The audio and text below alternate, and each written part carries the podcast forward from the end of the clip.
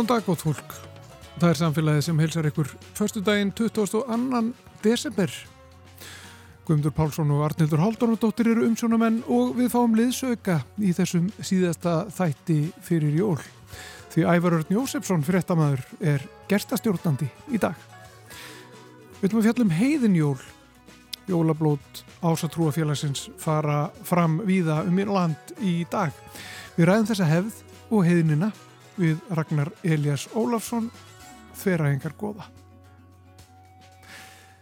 Við fáum líka jólalega málfarsmínútu í umsjón önnu Sigriðar Þráinsdóttur en fyrst heyru við af Grílu og hennar hiski öllum jólafólunum sem eru víst hátt í 200 talsins þegar allt er talið.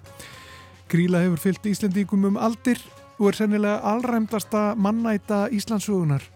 Í dag er hún þó líklega þekktust sem móðir jólasveinana, 13, sem nú týnast til byggða einn af öðrum. Þeir eru þó aðeins lítið brot af öllum þeim aragrúa afkvæma sem Gríla hefur eignast á langri æfi og með mörgum tröllgöllum, en það sérlega frjósum og fönguleg skersa. Afrörn Jósefsson tekur við eftir örskamastund. Já,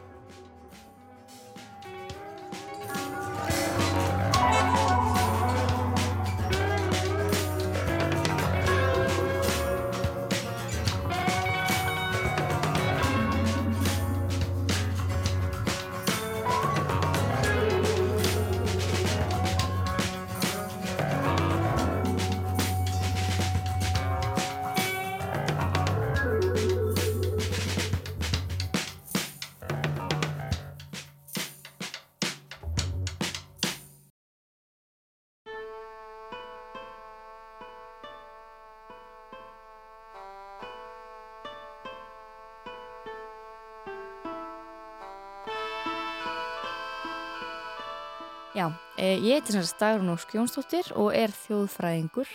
Og sérlegur jólasveina og jólafóla fræðingur. Já, ég er einmitt sérlegur jólafóla og jólasveina fræðingur og hef mjög gaman að þeirri fjölskyldu allri. Að þar sé komin gríla, grá eins og örn. Hún er svo vandfætt, hún vill ei nema börn. Hún er svo vandfætt, hún vill ei börnin góð, heldur þau sem hafa mikla hrínur og hljóð. Þau sem eru löta og lestur og söng, þau eru henni þægilegust þegar hún er svöng. Þau eru henni þægilegust og það eitt er víst, að ef þau þekktu grílu, þau gerðu þetta síst. Hún gríla er náttúrulega stór merkilegt fyrirbæri, hún er frægasta tröllskessa og mannæta Íslands en hún er fyrst nefnd í heimildum á 13. öld og þar kemur hún fyrir með í svona upptalningu á tröllskessum. Þannig að hún er nefnd með ótal öðrum svona kvenn tröllavættum og tröllum en er ekki tengt við jólinn fyrir en bara síðan á 17. öld þegar það fara að byrtast svona hvæði mest þar sem að hún byrtist sem svona jólavættur sem að kemur til byggða rétt fyrir jól og herjar á fólk. Og þegar þú segir herjar á fólk, hvað er hún að gera? Sko gríla er náttúrulega þekktust fyrir sinn mjög svo sértæka matarsmekk en hún vil helst borða óþekk börn, börn sem haga sér ekki. Og sko samkvæmt heimildunum og hvæðanum þá vil hún borða börn sem eru með læti, börn sem að rýfast og oft börn sem kunni ekki versin sín sem mjög alltaf svolítið áhugavert að þannig gríla orðin einhver svona talsmaður kristninar allt í einu, vill að börnin kunni hérna, versin og bæninar líka En það eru mikið af þessum hvæðum fjalla um svona betliferðir sem að gríla fer í að því hún kemur til byggða og reynir að finna börn til að hafa með sér upp í helli þar sem hún ætlar svo að borða þau. Og samkvæmt þessum sögum þá ferðaðist hún á millibæja og bankaði upp á á sveitabæjum þar sem að hún vissi til að byggu óþekk börn og byður bændurna að gefa sér þau að borða. Finnst þetta að vera svolítið svona vinn-vinn, hún sé að gera þeim greiða með því að losa þá við þetta óþekka barn og hún fá svo eitthvað að borða sjálf. En bændurnir taka nú svona oftast frekar illa í þessar tillögur en senda hana á næsta bæ, svara semst með því að svona já, ég veit nú að hann gummi litli er svolítið óþekkur en krakkina Sjóns á næsta bæ, hann er miklu óþekkari, þú ættir að fara að þanga frekar. Þetta er svolítið eins og í sögunum geiturna þrjár, sko, það sem að kemur alltaf stærri og feitar í geit á eftir sem að trölliða á borða og hérna, þannig að þeir senda hana svona af einum bæ á næsta og þannig gengur það, en í flestar sögur af grílu fjallan og um hvað hún er rosalega svöng. Þannig að þetta gengur ekki drosa vel hjá hann sko. hún færi yfirleitt ekki krakka að borða. Svona einn og einn sögð sem að bændunir gefa henni til þess að reyna að losna við hana. En sko yfirleitt er hún alveg að farast úr hungri bara. Lánaðu mér barnkorn sem leiðindin kann Sagt en mér hún sigga litla syngi tónið þann. Sagt en mér hún sigga litla syngur og hrín. Ég vil ekki plássbera piltana þín. Ég vil ekki plássbera í afgóða menn. Þó að stundum heyra megi hljóðfærin tvenn. Þó að stundum heyra megi hljóðfærin ný. Þeir eru ekki þér falir, það er helst í því. Þeir eru ekki þér falir, það mælti hann. Og engin heldur ungbörnin í mínum rann Engin þau ungbörnin er ég fæði hér Þú ert nokkuð drós mín, dendug í þér Fleiri veit ég breka börn ef við mig er átt. Semdu við mig síslu maður, svo ég tali fátt. Fáðu mér í samningin fjósamannin þinn. Hann er svona mátulegur munnbytti minn. Þannig að hún er ekki að ræna börnum? Ekki í þessum gömlu sögum, sko. Þá er hún svona meira að byggja um þau sem er greinilega ekkert sérstaklega árangusríkt samt og svo í svona nýrri sögunum aðeins þá fer hún kannski meira, hefur hún gefist upp á þessari gömlu aðferðsinni og, og er farin að ræna þeim en þetta sjáum við séðan líka í sko svona nýrri textum og dægurlögum þar sem er alltaf verið að reyna að drepa grílu eða lýsa hana dauða í hérna nú er hún gamla gríla dög, gafst hún upp á rólunum og allir því sko sem er þó ekki svona rólur og róluvöllum eins og ég held lengi vel þegar ég var barn en hérna heldur er rólið þá ymmit það að vera á betli að vera í svona betliferð þannig að hún gafst upp á því samkvæmt þessum lögum en ég trúiði náttúrulega alls ekki að hún sé döð sko, það er engar líkur til þess myndi ég segja. En hún hefur þá ekki orðið grimmari með aldrinu því að við verðum lítið vörfið barns að rán nú stundir hér á landi. Já, spurning hvort hún hafi eitthvað aðlagað matarsmekk sinn í gegnum tíðina sko eða börn sér orðin svona rosalega þæg einmitt að hún fái minna að borða en það fylgir einmitt oft þessum sögum líka það sem er verið að segja hún hafi gefist upp eða sé hrokkið upp af þá hérna að börn þurfi samt að passa sig að haga sér vel því annars getur vakið hann aftur upp frá döðum og þá verður hún eflaust ekki skára en hún var sko Á hún sér einhverjar rætur eða hliðstæður annar staðar þessi voðalega skessa?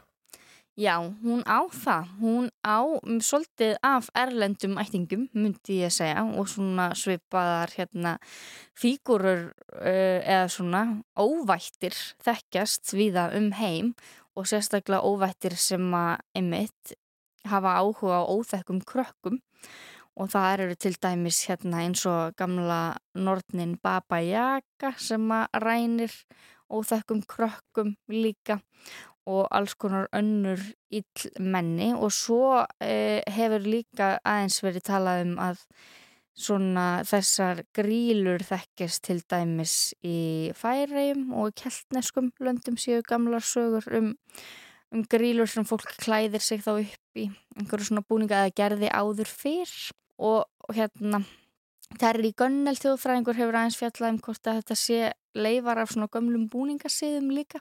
Er þetta mikið til uh, þá hvern uh, vættir? Þetta eru soldið hvern vættir, já, þekkjast alveg karlvættir líka en ég myndi svona án ábyrðar segja að það væru kannski oftar hvern vættir sem að væri svona í þeim sögum sem ég þekki til. Kanntu skýring á því? Nei, kann kannski ekki alveg skýringu á því en það er náttúrulega mjög áhugavert sko, eins og í íslenskri þjóðtrú að því að nú er gríla náttúrulega óurleg tröllskessa og mun okkvænlegri svona heldur en aðrir í fjölskyldunni og kannski mun okkvænlegri en til dæmis leppalúði eiginmaður hennar núverandi e, sem er svona hálf auðmingjarlegur oft í sögunum. E, en það er mjög algengt stef í íslenskri þjóðtrú að tröllskessur séu mun okkvænlegur en tröllkallar til dæmis. Og samkvæmt sumum þjóðsögum þá deyja tröllkallar út verða að steini langt á undan tröllkellingunum sko. Og þá þurfa þær að koma til byggða og ræna sér mönnum úr byggð og hafa með sér upp í helli til þess að viðhalda kyni sínu eins og stendur í þjóðsögunum en svo þegar það er komið þá upp í hellin þá uppgötta þær náttúrulega að þær eru mjög stórar og glæsilegar og þeir mjög litlir og auðmyggilegir og þurfa að tegja þá alltaf og toga svo að þeir verði stærri og betri einmenn fyrir þær. Þannig að þetta er svona algengt stef í íslensku þjóðtrunni að hvern hérna tröllin séu mun ræðilegur en tröllkallanir sko. Ég þekki grílu og ég hef hana séð. Bæði er hún ófríð og yllileg með. Hún er svo ófríð að höfunin ber hún þrjú, þó er ekkert minna enn á miðaldra kú. Kinnabeinin kól grá og hrútsnefið hátt. Það er í átján hlikkunum þrútið og blátt. Það er í átján hlikkunum og hárstríð hart. Ofan fyrir kjaftin tekur klebrótt og svart. Ofan fyrir höku taka tennutnar tvær og eirun lafa sex saman sitt og von á lær. Eirun lafa sex saman, sögðgráa lit, höku skeggið hæruskotið, heilfullt af nýtt. Höku skeggið hæruskotið og hendurnar þá, stórar eins og kálfskrof og kartneglur á, stórar eins og kálfskrof og loðnar um ló, nógu er hún lenda breið og þriflegum þjó. Nógu er hún lenda breið og lærleggja há, njólafætur undir og naglkörtur á, njólafætur undir og kolsvörtum hvið, þessi þykir grálunduð grátbörnin við.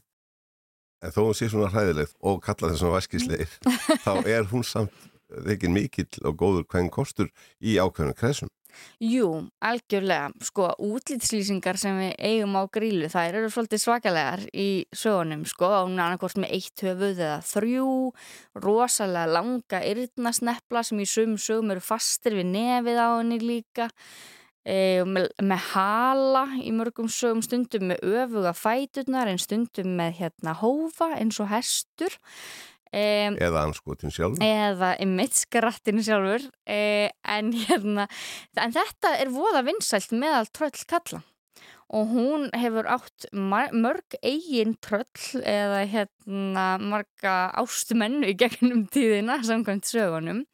Um, og ekki þá bara leppalúða sem er svona hennar nýjasti eða núverandi heldur á náttúrulega fjóra fyrrum eiginmenn. Og það eru hérna loðinbarði sem er kannski þekktastur fyrir það í sögunum og hann er með rosalega síða barta, hann er með skó síða barta sem að dróðust eftir gólfinu þegar hann lappaði um. Svo á hún fyrir um hann sem að heitir Bóli sem að er svona svolítið nöytslegur tröllkall eins og nafni segir til um Bóli og var með hérna mikinn hala og svona einhver staðar á mörgum þess að vera nöyt og, og tröll og gekkum með gattakilfu Er hann þessi vísræði ljótibóli sem að börnur gerðan hrætt með?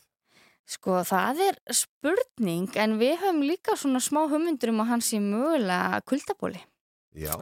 Að hérna því að svo án aðra einmenn sem að vísa til svolítið svona vetrarlegs eh, veðurs og hinn er einmennir hennar eru gustur sem að vísa náttúrulega til vindsins og svo snjólfur sem að vísar í snjóin Þannig að það er við erum svona smá að velta fyrir okkur hvort að eh, bólinn hafi verið kuldabóli, hann er með hérna, það tekið fram að hann er með mikið kvítt í halanum og svo er hann með kilfu og hann er stundum með svipu líka eða notar halan sem svipu og ber bæina alltaf utan eins og uh, vondveður geta gert. Þannig að það er svona svolítið áhugavert sko þessi tenging þeirra líka við veturinn og tenging grílu við veturinn. Tenging grílu við veturinn er náttúrulega, hún er fyrst og fremst á ferðinni í kringum jól. Er meiri tenging þá? Já, e, hún kemur um mitt þarna til byggða náttúrulega í kringum jólinn með myrkrinu og veturinnum og svona og svo er þessi tenging við hérna þessa eiginmenn hennar sem að výsa í veturinn með sínum kuldalegu og vetrarlegu nöfnum uh, svo er náttúrulega mjög áhugaverð eh, tenging grílu kertonum sem að e, tengjast henni náttúrulega mjög stert grílukertin sem að e, við sjáum um vetur og mjög víða út í heimi eru til sögur af svona vetrar eða ísdrottningum sem að koma í mitt með veturinn með sér slá niður staf sínum og veturinn breyðist út einhvern veginn. Og í mörgum svona sögum þá hafa þessar ísdrottningar tvær hliðar. Eru öðrum megin svona gamlar konur sagt, framan á og eru í því gerfi yfir sumarið í raun og veru en snúa sér svo við og eru þá ísdrottningar aftan á. Þá þegar veturinn kemur þá gera þér það. Og það er svolítið áhugavert að í sumum heimildum um grílu er einmitt talað um að hún sé með svona helblátt auga í nakkanum þannig að hún virðist vera með svona vísi að andliti líka aftan á og helblátt sem að vísa nú kannski líka svolítið í frostið og veiturinn og svona. Þannig að það eru alls konar svona tengingar sem að má finna á milli grílu og, og veitursins og líka grílu og annara erlendra ístrotninga. Þannig að gríla er kannski bara ekki einhver svona bara vennuleg skessa heldur er hún ístrotning. Það er alveg hugsanlegt sko, ég held að gríla hafi margar hliðar sem að hérna og hægt að tengja hana út frá alls konar ólíkum hugmyndum og skoðana frá alls konar ólíkum ynglum sem að gera hana mjög skemmtilega sko. Þessi þykir grálunduð, gift er hún þó. Hennar bóndi leppalúði, liggur út við sjó. Hennar bóndi leppalúði, lúnóttur er. Bæði eiga þau börnin saman brjóst heil og þver. Bæði eiga þau börnin saman, þver, lind og þrá. Af þeim eru jólasvinnar, börn þekkja þá. Af þeim eru jólasvinnar, jötnar og hæð. Öll er þessi ílsku þjóðin, ungbörnunum skæð. Þegar þú talar um ykkur hér á þá vartu vantilega að vísa til föðins Jóns, Jónssonar þjóðfræðings á strandum. Já, ég er að því. Við hérna feðgininn hefum verið einmitt saman í þessum jólasvinna rannsóknum okkar undan varin ár og höfum verið að hérna, skoða þessa fjölskyldu, jólafóla og einmitt grílu, eiginmenna og öll börnin. Og þið hafið fundið alveg heil óskup á þess að það hafið vitað um mann sem mörg. Já. Og þið hafið fundið ennþá fleiri. Já, e, það, e, einmitt, það hefur verið e, náttúrulega rosa mikil vinna unnin um jólusvinna og rannsóknir gera til dæmis náttúrulega fyrst og fremst á átna bjössinni sem hefur skoðað jólusvinna greiðarlega mikið og alla þessa fjölskyldu líka. Um, En þetta er óhætt að segja alveg öruglega að gríla eigi Íslands met í barningnum sko. það held ég alveg potið. en hún á, eh, teljum við, í kringum 80 börn fyrir utan svo þá 100 jólasveina sem að Þetta er 180 ákami. Já. 180 grílu börn í það heila. Já, það er nefnilega hvorki meirinni mína en sko. Askur hnútur, hniðja hnúta lúpa, stampur, strokkur, höttur, knútur, koppur, kútur, nútur, strútur og strimpa, strokkur og stútur, killir og kippa, langleggur, leiðinda skjóða. Hvers slags fólk er þetta, þessi, þessi ættstofn hennar, þessi, þessi niðjar hennar?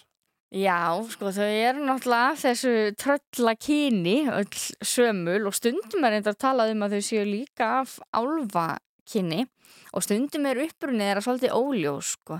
Í sumum heimildum er til dæmis talað um að giljagauður og gríla séu sískinni en ekki að hún sé mamma giljagauðs og stundum er talað um líka að stekkjastur sé úr liði leppalúða í raun og veru áður en að þau taka saman. Þannig að þetta er rosa flókin ætt að sagja. Þetta er í raun og veru ekki svona vísitölu fjölskylda með mömmu, pappa og 13 jólasveinum síðan eins og við eigum kannski að vennjast núna. En þetta voru náttúrulega öll þessi börn og allir þessi jólasveinar ferleg er óvættir áður fyrr og fólk var raunverulega hrætt við jólasveina hér á árum áður. Sko. Hvers vegna? Hvað gerðu þeir? Jólasveinandir þeir komu náttúrulega til byggða eins og þeir gera nú en í allt öðrum tilgangi. Þá komu þeir helst til að rekja og hrella fólk og hérna stela og vinna alls konar óskund og þeir voru náttúrulega mannættur líka eins og foreldrarnir hérna áður þannig að það var ímislegt sem þurfti að varast í sambandi við þá sko. Jónar tveir og leppatuska, nafar og næja, tafar og taska og tæja, lápur, skrápur, bútur, pútur, langleggur, sigurður og sigkvatur, stefnir og stefna. Og skreppur og skotta og skráma og stikil og þóra. Og sumir þeirra með svona lýsandi nöfn fyrir það hvernig þeir höguðu sér eins og náttúrulega við þekkjum núna með hérna með þvörusleiki og skýrgám og eitthvað svona þá voru jólasveinar eins og til dæmis reykjasvelgur sem var með gríðarstóran munn sem hann gæti lagt yfir reykháfin og svo þegar reykurinn stegi upp þá sapnaði hann honum saman upp í sér og gekk svo um í myrkrinu í baðstofinu og blés framann í fólkið reyknum sem hann hefði sapnað. Þetta eru svona óbeina reykingar fyrir tíma. En stundum leta hann líka bara allt fyllast og blés svo út aftur svo að baðstofun sjálf fylltist alltaf reyk og sóti, sko. Dallur og nýpa, killir og týpa, þrándur, þröstur og gráni, leppur, skreppur, loði, poki ljótur og láni. Svo voru svona jólasveinar uh, eins og hvenn jólasveinarnir uh, sem við hefum náttúrulega sögur um líka, flót sokka og flót nös til dæmis. Og þær uh, voru sérstakar áhuga konur um flót eða fyttu og hérna flót sokka, hún tók ókláraða prónasokka á bæjum sem það ekki tekist að klára fyrir jólinn, rændi þeim og fylgti af floti og tók svo með sér og eidilaði þannig bæði sokkana og, og floti. Og flot nös, hún var með gríðarstóra nasir og gætt stungið sem sagt mörtöflum upp í nefið á sér og sögurnar segja reyndar að hún hafa alveg komið óþekkum krökkum líka þar fyrir ef að svo bar við sko. En svo eru sumir sérlega ógisleir, sko, minn hérna uppáhalds svona af þessum gömlu jólsveinum er til dæmis glúna slettir eða skvettir, eða mismundi er kallaður og hann er ættaður úr djúpi og hann var með sem sagt lungun utan á sér. Þeir voru ekki inn í brjóstóluna á honum, heldur henguðu utan á líkamannum og svo reyndi hann að hlaupa á eftir börnum og lemja þau með blóðugum og slímugum lungunum. Þannig að það er nú svona frekar óspennandi að mæta honum til dæmis. Þannig að þegar maður skilur vel að fólk hafi verið hrætt við jólusuna sko. Hérna áður fyrr, þeir eru bara með að hvernig þeir höfuðu sér sko. Lápur og skrápur, byggja og bokki, bolli, botni og bóla. Nýfillsleggja, surla, flaska, bringi, böðvar og sóla. Þú talar um að, að kvenkins jólasveina, heit, akkur heita þær jólasveinar? Já, þetta er, sko, er þetta með kynju starfsheitin sem að, veri, sem að þarf að ræða kannski líka í tilfelli jólasveinana, sko. En að því að það eiga alltaf þennan fjöldabötnum og bara sum virðast hafa haft að hlutverk að vera jólasvein. Og jólasveinir það voru þeir sem að tóku það að sér að fara niður í byggð og, og gera þar einmitt þennan úrskundan og það er svona í þessum heimildum eru oft bara kallaðar líka jólasveinar, það er talað um jólasveinavísur og nöfn þeirra þar nefnd. En svona í setni tíð hafa líka alls konar önnur nöfn verið nótuð yfir þessa kvöngins jólasveina eins og jólamejar e, þjóðminjasafnið þær núna fyrir jólinn í heimsóknu jólaskellur. Þannig að það eru alls konar svona verið að hérna aðlaga þetta starfsheiti líka að þeim sko þetta er eins og hérna ráþaratnir sem eru allir geta verið af öllum kynjum en eru samt með þetta kartlega starfsæti þá hefur það átt við mjólasveina líka að fyrr 100 jólasveinar og svengur eða megar eða skellur og svo er það 80 grílubörn til viðbótar Já. hvað gera þau? Sko, og hver eru þau? og hvað eru þau?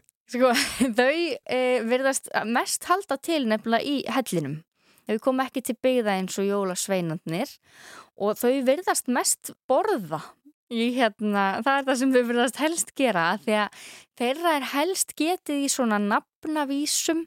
Við þekkjum hérna gríla kallar á börnin sín til jóla þegar hún fyrir að sjóða og þá er hérna leppur og skreppur og leðinda skjóða völustakkur og bóla og þau öll sumull Þannig að það, við fáum svona helst upplýsingar um þau þegar kemur að matmálstímum í fjölmörgum nafnavísum og nafnaþulum sem til eru fyrir þessi börn e, grílu.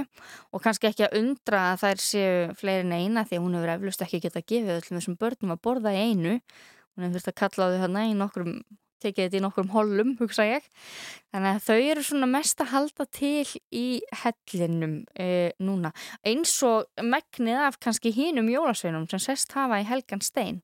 En þeir eru þetta svona gríðarlega margir hundra talsins en það var samt ekki þannig að þeir kemur til byggða einn og einn hundra daga fyrir jól og væri svo hundra daga að fara tilbaka aftur og við værum bara valla án þeirra heldur var það þannig að þeir skiptu með sér landinu og ólík sett af jólasveinum fyrir finnast í ólíkum landslutum, síslum og reppum. Þannig að það voru ólík sagt, sett sem að komi til byggða eftir því hvar maður var. Sko. Auðsa og mösull og mukka og djangi, dúða, durtur og dáni, völustallur og sláni, askastleikir, gluggagægir, guttormur og giljagaur.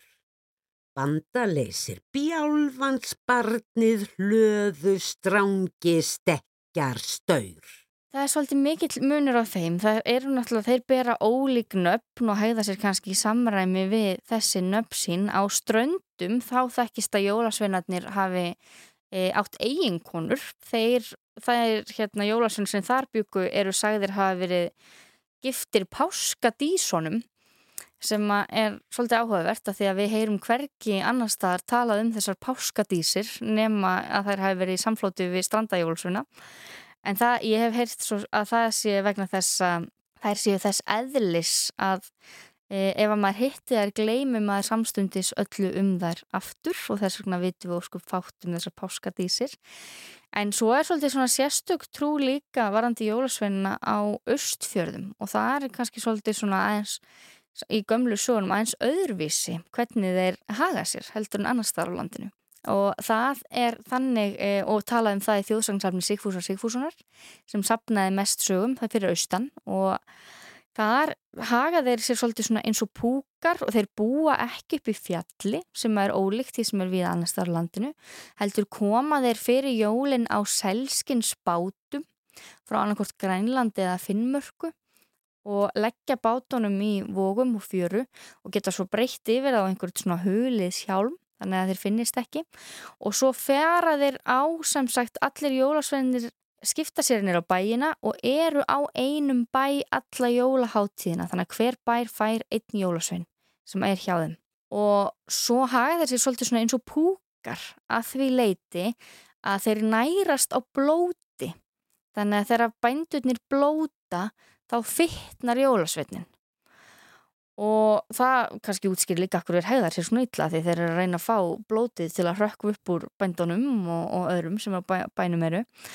En það var svolítið mikilvægt fyrir þá að því að þegar þeir fara síðan aftur tilbaka eftir jólaháttíðina hittast í fjörunni að henni leggjast á út aftur þá hérna taka jólasveinir sér saman og þeir drepa og geta þann jólasvein sem er magrastur þann sem hefur minnst fengið af blóti yfir jólaháttíðina þannig að það borgaði sig alls ekki að vera jólasveit sem var á mjög kurtisislegum bæ heldur vildi maður helst vera jólasveit sem var hjá einhverjum, einhverjum dónum sko. Og hérna og þess vegna lág líka mikið við að rekja fólkið og koma upp úr því blótinu svo maður fengi ekki, hliti ekki þessi grimmilegu örlög í lok jólaháttíðarinnar En þetta eru satt uh, taldir jólasveinar, þetta er ekki jólapúkar, þetta er ekki, nú verðist þetta að vera mjög ólíkt hinnum.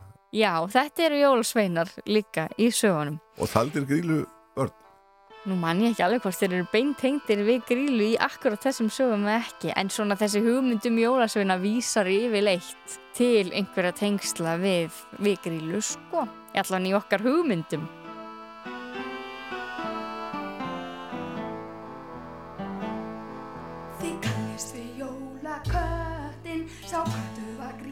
stór Fólk viss ekki hvaðan hann kom Eða hvert hann fór Upp klirknurnar sínar Nóandi báðar tvær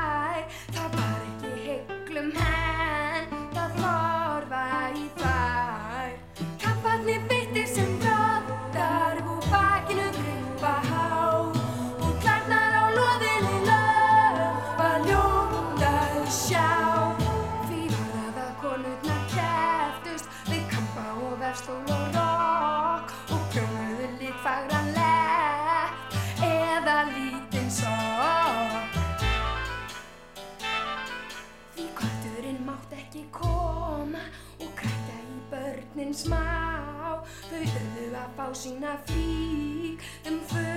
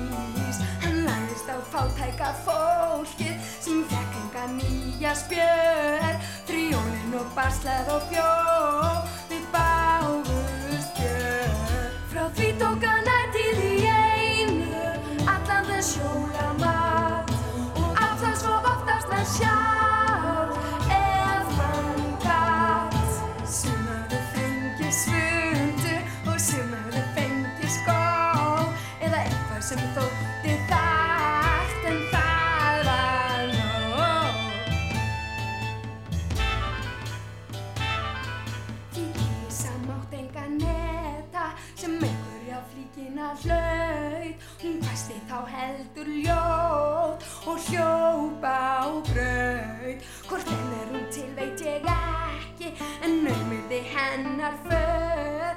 Ef allir eignuðust næst einhverja spjör Þið hafið nú kannski í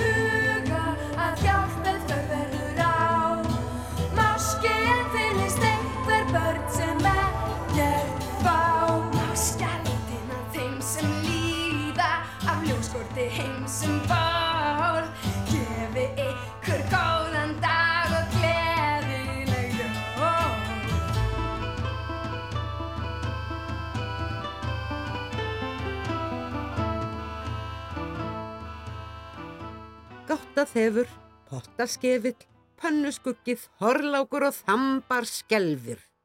Lambaskuggi, litli drömbur, litli pungur, lækjaræsir og lútur. Móðbingur, sletta, smjörhákur, svellabrjótur og svartiljótur. Eru öll þessi jólafól, eins og þið kallið þessar vættir, eru þau öll með tengsli við grílu?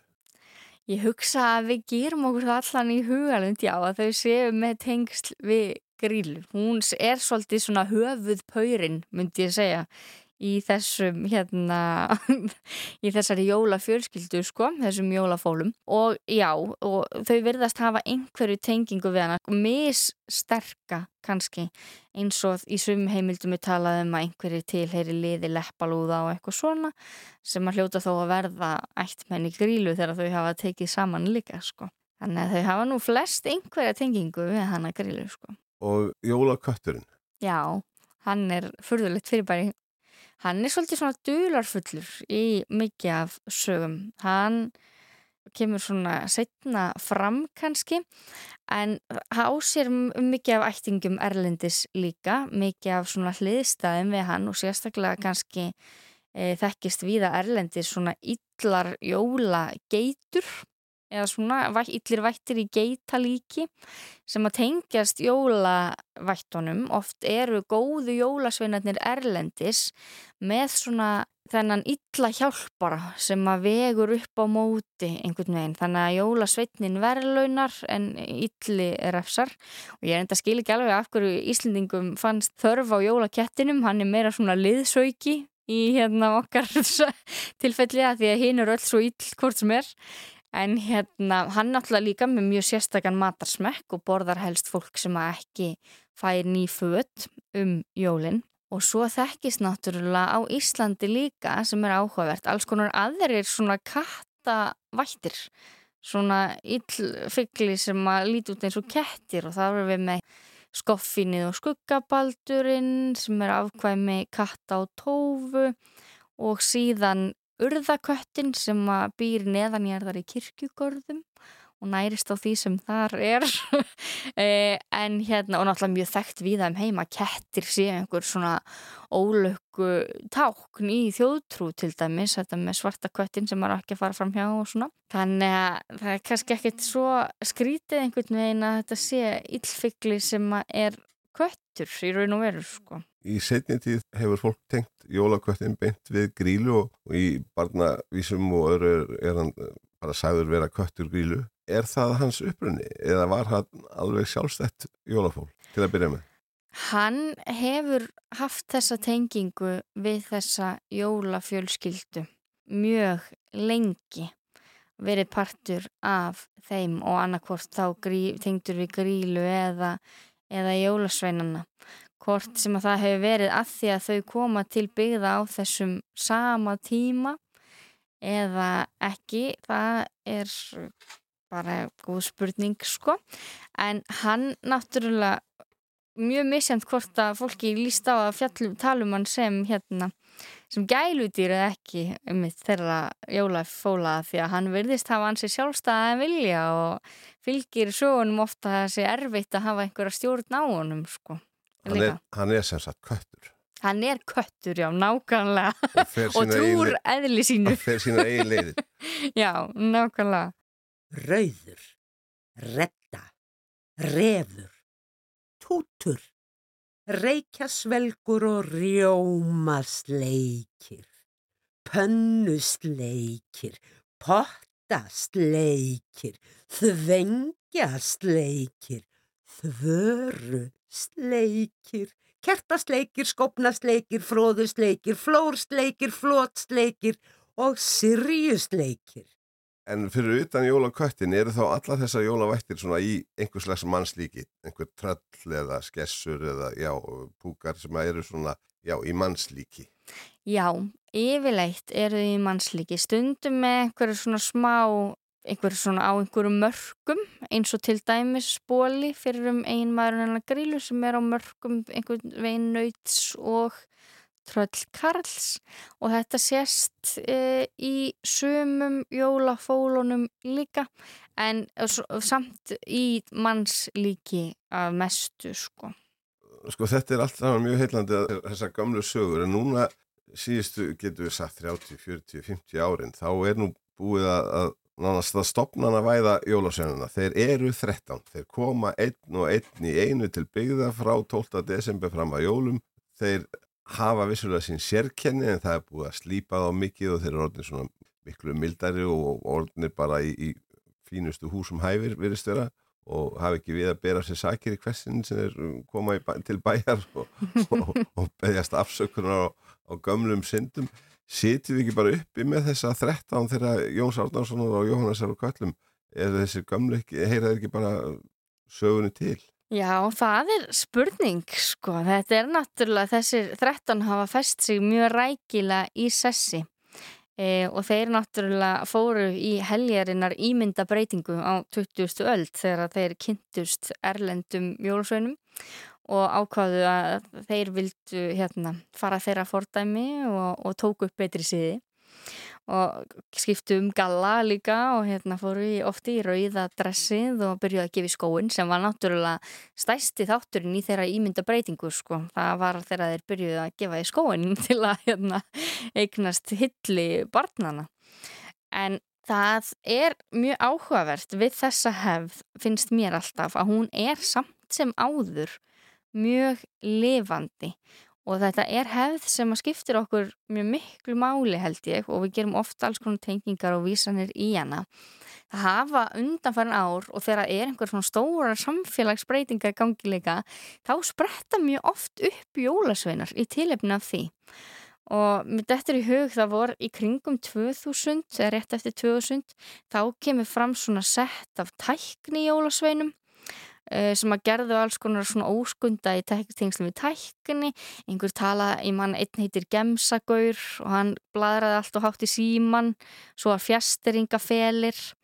Hérna hópur grænkjara á Íslandi hefur á undanförnum árum búið til sitt sett af jólasveinum, þar eru meðal annars lambafrelsir og hænukvísla. Og svo náttúrulega í COVID, bara fyrir stuttu síðar, þá sendir landlæknisembættið út sitt sett af jólasveinum þar sem voru fjarfunda fíkill og grímnagaur og, og fleiri. Reyndar áhugavert í þeim, hérna þessum tveim síðri að þar eru kominir jólasveinar sem við erum að taka okkur til fyrirmyndar en ekki jólasveinar sem við viljum forðast að vera eins og.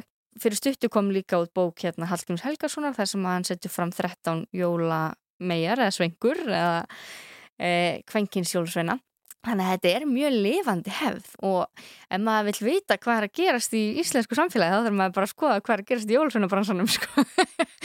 en þeir hafa tekið breytingum og við sjáum bara og þeir verða að gera það af því að hefðir verða að breytast til að lifa af og til að eiga erindi þá verða þeir alltaf að endurspegla samfélag síns tíma og við sjáum það bara þegar að jólusveinir taka upp betri siði þá eru að verða breytingar til dæmis á uppeldisvenjum þar sem er hægt að uh, refsa börnum fyrir slæmahægðun og farið að verðluna þau frekar fyrir góðahægðun og það er bara eitthvað sem endur speklast beint í jólusveinahæðinni. Þetta er eitthvað sem við sjáum líka undanförnum árum með jólaköttin sem að finnst allt í lægi þó að nýju fötinn séu nótuð af því að hann er auðvitað talsmar umhverfsvendar eins og við öll. E, þannig að þetta er alls konar, þetta er mjög lífandi hefð í raun þó að það séu þessir 13 sem að koma til byða og ég held þeir séu kannski svolítið fastir í sessi með það en svona umhverfið er gífurlega lifandi og breytilegt og það er það sem er svo rosalega áhugavert og þess vegna er líka svo áhugavert fyrir þjóðfræðinga sem hafa áhuga á breytingum og svona því sem er gerst samfélaginu að skoða jólsveina og þeir eru bara endalus uppspretta hérna áhugaverðara vanga velna, myndi ég segja.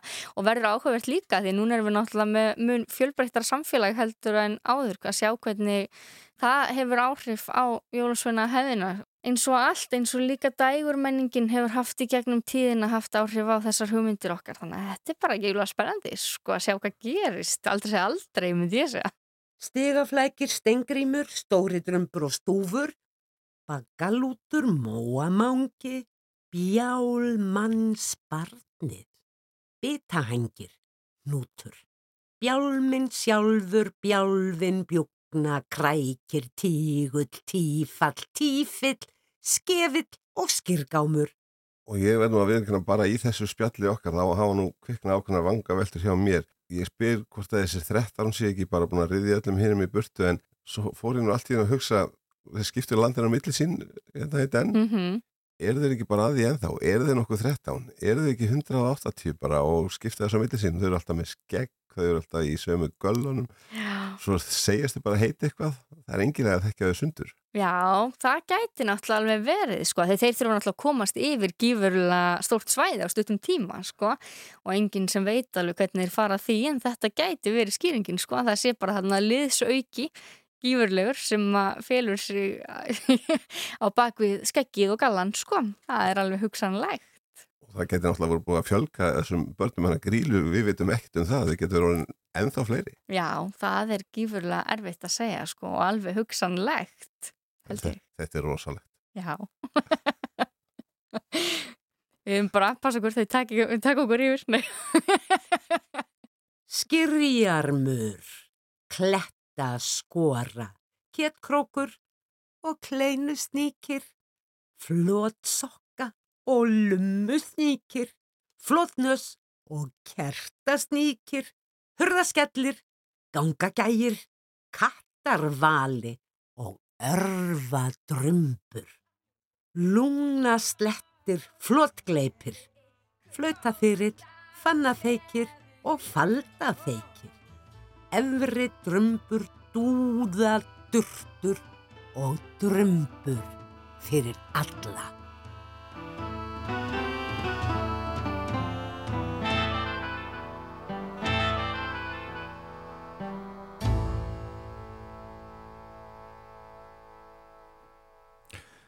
Það var Dagrún Ósku Jónsdóttir sem svaði okkur frá grílu og jólafóla skaranum öllum.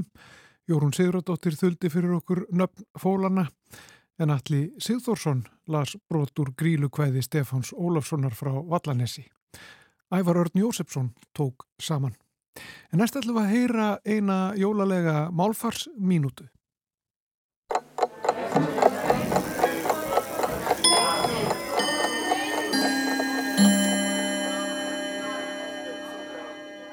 Möndlugrautur er eitt þeirra fjölmörgur rétta sem við höfum þegi frá dönum og mörgum finnst ómissandi á jólaborðinu. Á dönsku hefur hann fransta nafn, Rís Alamand, Rís með möndlu. Grauturinn er þó ramdanskur og er franska heitið er síndartökuorð. Það er ekki nafn á sambarilegum franskum rétti heldur búið til að franskri fyrirmynd. Kanski hefur þótt fínt að hafa það franst. Möndlugreitur hefur þó þá tengingu við Frakland að þar mun vera etinn svo kullu kongakaka á drettandanum sem hefur að geima litla bön. Sá sem fær bönina er kongur kvöldsins og fær að ráða öllu, ekki ósvipað möndlunni í grautnum. Sá sem finnur hana fær möndligjöf. Íslenska heitið möndlugrautur kemur fram um miðja 20. öld en um 2000 er fyrst farið að kalla hann rísalamand upp á dönsku í fjölmiðlum.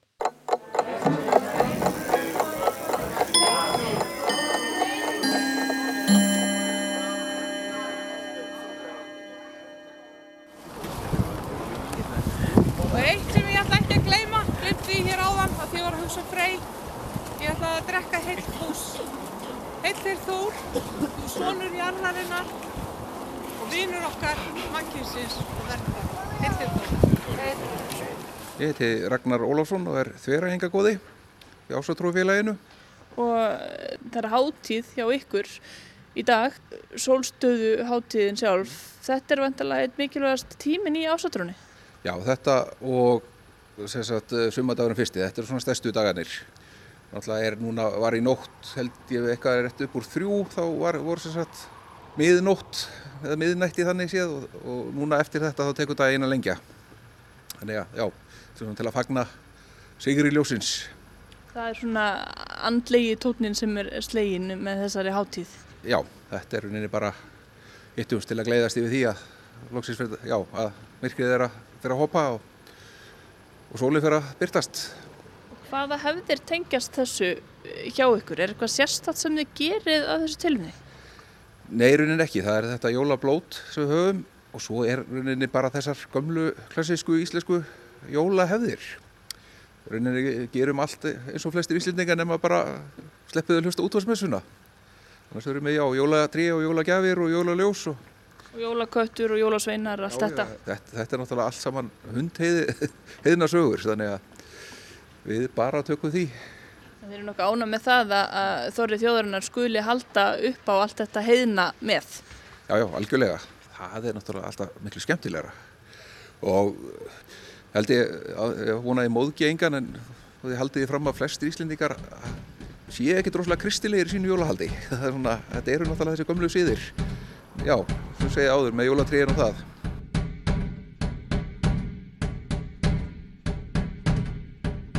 En ásatrúafélagið, eh, þið standið fyrir blótum núna um allt land, ekki satt? Það er, það er jólablót á, á brunni við, við lagafljót og, og það verður blótað þarna í hofin ykkar í, í öskuliðinni og víðar. Já, verður, það verður blótaðið mitt í Skagafyrði og í Borganesi, misminnir ekki. Við reynum að gera þetta mitt á þessum stærstu hátíðstugum að hafa blótum allt land. Hvað er bóðið upp á? Er það, er það mjöður eða, eða hve- hvernig fagniði á þessum blótum? Þetta er náttúrulega bara opið almenningi eins og hérna á Akureyri á Ráðastorkinu. Já, já, það er eh, oftast á blótum höfum nú bara vatni í, í horninu þannig að flestir geti notið en við höfum nú stundum haft jólaöl, bara svona hvítöl ég var bara eftir að ákvaða hvernig það verður á eftir Já, kaupa inn fyrir blótið. Já, en svo eftir blótið voru við verið með kakó og smákökur hérna og held ég á flestum stöðum annar staðar líka Og þið er ekki það, sko, ramheiðin að þið séu að fara að fórna einhverjum dýrum eða eitthvað þess áttar? Nei, nei, það er líka bannað með lögum, ekki það að við myndum gera það. Við þurfum þess ekki lengur, það er aðri sem sjáum það fyrir okkur, við höfum bara búðin á kaupið göttið. Einmitt. En sko þetta er eitt stærsta trúfélagi allavega ef við lítum fram hjá þessum kristnu þá er, eru ansi margir í, í ásatrúafélaginu. Já, ásatrúafélagið er hérna, stærsta trúfélagið sem er ekki kristilegt. Man ekki nýjustu tölur, við erum eitthvað í kringum 5.000. Þið eruð í sókn eða... Já, já, það bætist alltaf í hverju ári. Því Ég er bara ekki með tölunar hreinu, en það er hægt að sjá þetta á hagstofunni. En Það er svona sko, trúfélag en, en að hvað leiti er þetta kannski ólíkt kristni? Eru, eru þið mikið til dæmis að sækja til dæmis í hofið í öskulíðinni? Ekki það að Íslendingar séu mjög kirkjuræknir en, en hvernig, hvernig svona yfkið þið þessa trú?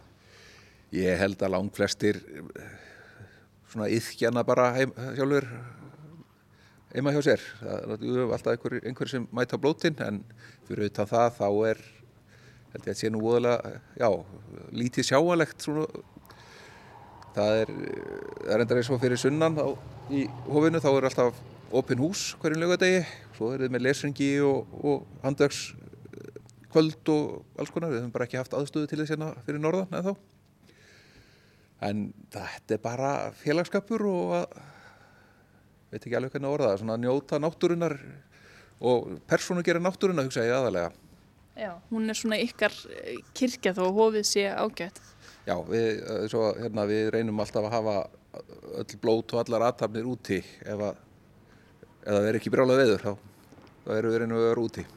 Heilir æsir, heilir ásinjur heilsjóðan fjölnýtarfótt mála mannir til okkur mærum hér og lækni sem okkur með við er gallar, helgar, myndir og svo er þessi veistla svona blótsveistla fyrir sunnan eða ekki? Jú, það er sagt það er opið fyrir alla að mæta blótið og kostar ekki neitt en svo er ég búið að kaupa miða í veistlu setnum kvöldið. En ég held að sé nú er það uppselt í það þannig að það er fullt sent að kaupa það núna. Já, fólk verður bara að hérna, mun eftir þessu þá á, á næsta ári En uh, svona lókum bara áttu er, er einhver bóðskapur sem þú vilt miðla, eh, eitthvað uppáhalds, komar að segja eitthvað úr, úr háamálum eða eitthvað? Ég ætla nú ekki að fara alveg svo langt aftur, mér langar að bara vitna í eitt heiðnasta jólalag sem við Íslandingar eigum, eitt af þeim, og það er hann að snjókort falla, því að þar segir til dæmis hann að gefa gafir og fagna sigri ljósins og halda saman jólastund. Það er þessi heiðnu íslensku jól. Takk kærlega fyrir spjallið Ragnar Elias Þveræðinga góði. Takk, takk. Vinnir hittast og halda veistlur Borða saman jólamat Gefa gjafir, fagna sigri